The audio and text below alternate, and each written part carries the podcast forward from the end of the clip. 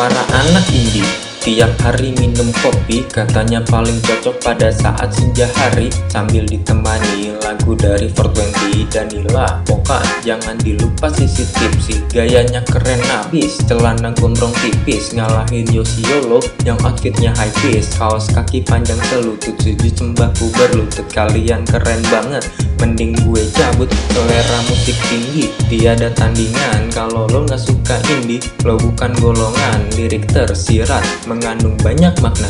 Kalau nggak sepaham mending Lo belajar sastra. Kaum-kaum denial yang mencela Baskara Padahal lirik tajam musik keras tiada dua. Lo belum keren sob kalau nggak denger peradaban. Lagu kelas tertinggi dalam sejarah permusikan. Bawa pena buat nulis kata-kata puitis. Pasti ada gerimis juga ada tangis. Tapi tenang tetap optimis. Jangan pesimis segala persoalan dapat berakhir dengan manis. Jaket parka hasil thrifting dapat harga miring. Sengaja dicoretin seolah habis painting. Tote bag dan bucket hat jadi andalanku kerennya gayaku. Dapat membuatmu terpaku. Anggur merah di tangan.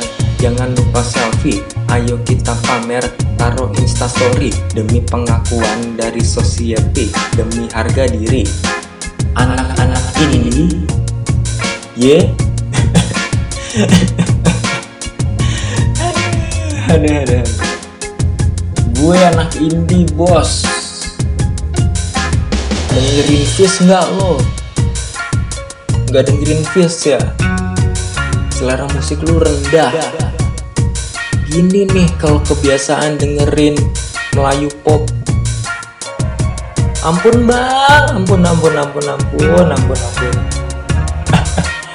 Anak indie, mantap kan?